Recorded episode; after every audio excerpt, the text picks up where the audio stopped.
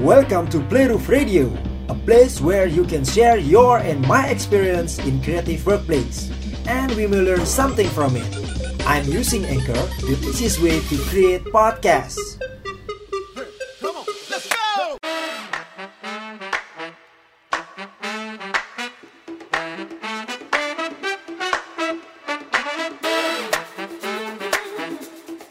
Assalamualaikum, ketemu lagi bareng gue Junox, your host buat Playroof Radio. Ini episode ke-10 season 1 Yang kayaknya nanti season 2 gue mau ganti haluan. Kalau season 1 ini gue banyak nerima kayak pertanyaan DM message dari teman-teman semua. Ya terima kasih udah partisipasinya sampai dengan uh, episode ke-10 ini uh, hubungannya sama dunia kreatif industri gitu kan apa yang gue tahu gitu kan. Kayaknya nanti uh, apa namanya mulai season 2 dan seterusnya gue pengen agak sedikit beda kali ya. Cerita-cerita tentang hal yang umum-umum aja gitu kan yang kira-kira. Tapi intinya tetap sama end gamenya adalah kita sama-sama saling menginspirasi yang insya Allah bisa creating value. Syukur-syukur nanti one day kita bisa saling ketemu bisa saling bantu bisa collab segala macam. That's even much much better gitu kan? Oke okay, untuk uh, episode ke-10 ini gue pengen komenin uh, dari DM-nya temen gue nih yang bilang gini. Dia punya uh, creative agency PH sebenarnya suka bikinin iklan PH lu pada tahu kan?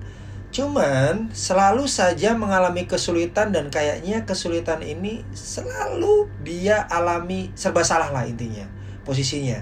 Yaitu saat suruh submit budget. Nah kayaknya uh, kalau gue sendiri ya udahlah gue cerita gue sendiri. Jadi masalah ini selalu klasik ya. Gue juga sering mengalami masalah yang sama terutama untuk klien-klien yang mungkin klien baru atau yang klien-klien istilahnya uh, baru uh, sek sekali bahkan ya baru lah ya intinya kayak gitu kan.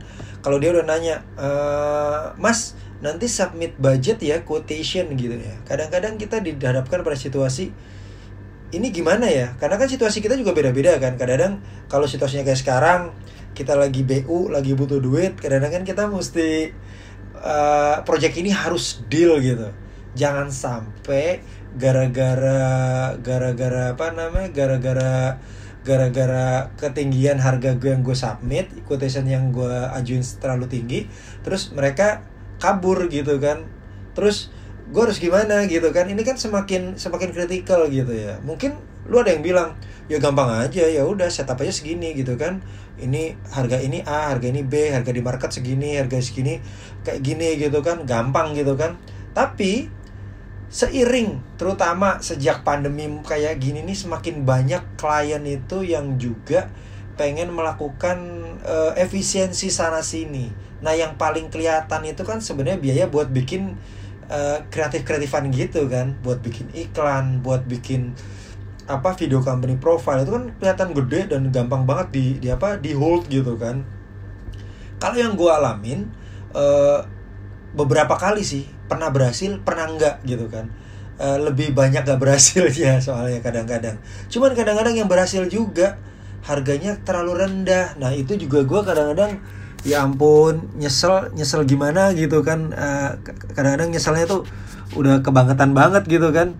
Nah gue ada coba untuk browsing sana sini nih berdasarkan apa? Berdasarkan uh, pengalaman gue juga berdasarkan pengalaman orang lain juga.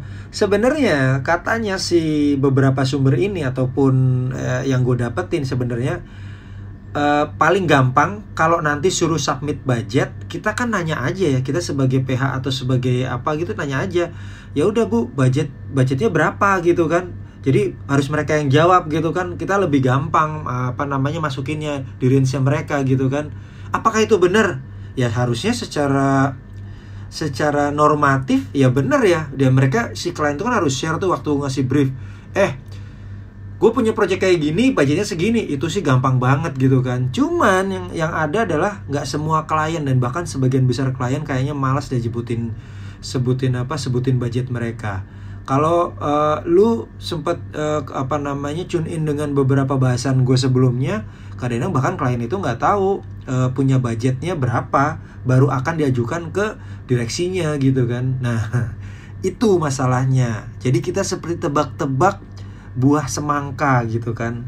Buah manggis itu kan zaman bapak gue kalau sekarang buah semangka ditebak ini bener nggak ya isinya merah? Atau isinya kuning atau isinya putih? Jangan-jangan gue salah. Eh ya udahlah gitu kan. Cuman ada ada ada ada, ada beberapa pendapat nih. Ini sebenarnya fakta-fakta nih. Uh, kita sebagai PH atau creative agency itu uh, tidak seharusnya atau bahkan jangan menanyakan ke klien lu punya budget berapa? Kenapa? Coba ada beberapa fakta sih, tapi menarik juga. Ini sebagai bahan pertimbangan aja ya. Mungkin kalian juga punya strategi yang beda-beda gitu kan.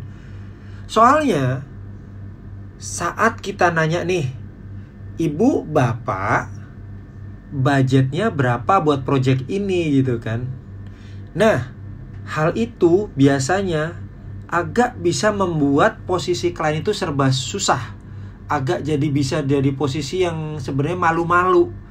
Kayak soalnya apa namanya ya uh, biasanya klien itu nggak tahu sebenarnya uh, lu tuh punya takutnya terlalu rendah takutnya terlalu tinggi atau atau nggak semua klien tuh bisa bisa bisa menimbang kerjaan lu tuh seperti apa ratesnya gitu rate rate apa rate harganya. Nah kalau lu nanyain misalnya budgetnya berapa terus dia dalam posisi gak siap atau nggak tahu itu bisa kayak membuat mereka tuh uh, bisa malu loh. Nah itu resiko malu itu yang sebenarnya lu harus perhatikan. Jangan jangan sampai uh, lu kan nggak mau kan klien lu tiba-tiba udah ilfil lu gara-gara li dipojokin. Apalagi misalnya dia ngundang 34 apa calon agensinya PH-nya gitu atau postnya gitu di suatu ruangan tiba-tiba lu nanya gitu kelihatan malu gitu loh mereka gitu kan.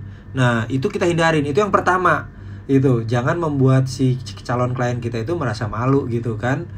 Nah intinya kan lu kan nggak pengen kan membuat klien lu tuh jadi kayak malu di depannya orang banyak karena dia kelihatan gak siap segala macem terus ya gimana gitu lu bisa bayangin itulah. Ya itu yang pertama. Jadi kenapa alasan sebaiknya lu jangan nanyain punya budget berapa dari dari calon klien lu gitu kan. Alasan yang kedua sebenarnya kalau lu nanyain budgetnya berapa, secara nggak sadar sebenarnya lu ngelempar bola ke mereka kan, lempar conversationnya ke mereka kan. Jadi kamu lu nempatin dia tuh seolah kayak ya lu yang harus ngelit dong. Lu punya budget berapa? Kita in kita, jelasin ke kita ntar kita coming dengan respon seperti ini supaya budgetnya nggak terlalu tinggi, gak terlalu iya kan. Ah, padahal sebenarnya teman-teman kalau buat gue adalah dalam sebuah proses pitching yang harus ngelit conversation atau handling the ball, pegang bola ada kita sebenarnya, bukan calon klien. Enaknya apa? Kalau kita bisa ngelit, pegang bola ke sana sini, ya klien tuh sebenarnya udah mulai ngukur possibility apa kemampuan kita kan dari sejak uh, uh, impresi pertama gitu kan. Jadi kalau ngeliat, oh ini kayaknya orang yang ngerti banget ya tentang project ini ya paham sekali. Itu bisa jadi nilai plus gitu kan. Nah itu yang kedua jadi kita harus ngeliat conversation, jangan seolah kayak buang body, buang bola ke calon klien kita. Again, mereka kebanyakan akan risih kalau digituin. Yang ketiga, yang terakhir, sebenarnya enaknya, semoga ini kliennya yang lagi nggak paham tentang harga ya. Itu tuh kita bisa kayak nempatin kalau kita nggak nanyain budget terus kita quotation kita kirim seolah-olah kita kayak setup anchor kayak apa jangkar buat pricing buat pricing uh, project itu sebenarnya. Uh, paham nggak? Jadi maksudnya misalnya harga market 100 kliennya nggak paham terus kita setupnya 120 siapa tahu jadi naik gitu kan? Atau kita teput 100 akhirnya klien ada ide ke situ. Ingat teman-teman ya klien yang ngundang kita itu ada juga loh klien yang belum punya budget tapi sudah punya rencana jadi mereka tuh butuh kayak support dari kita untuk setup anchoring untuk pricingnya tuh berapa. Ya syukur-syukur bisa deal.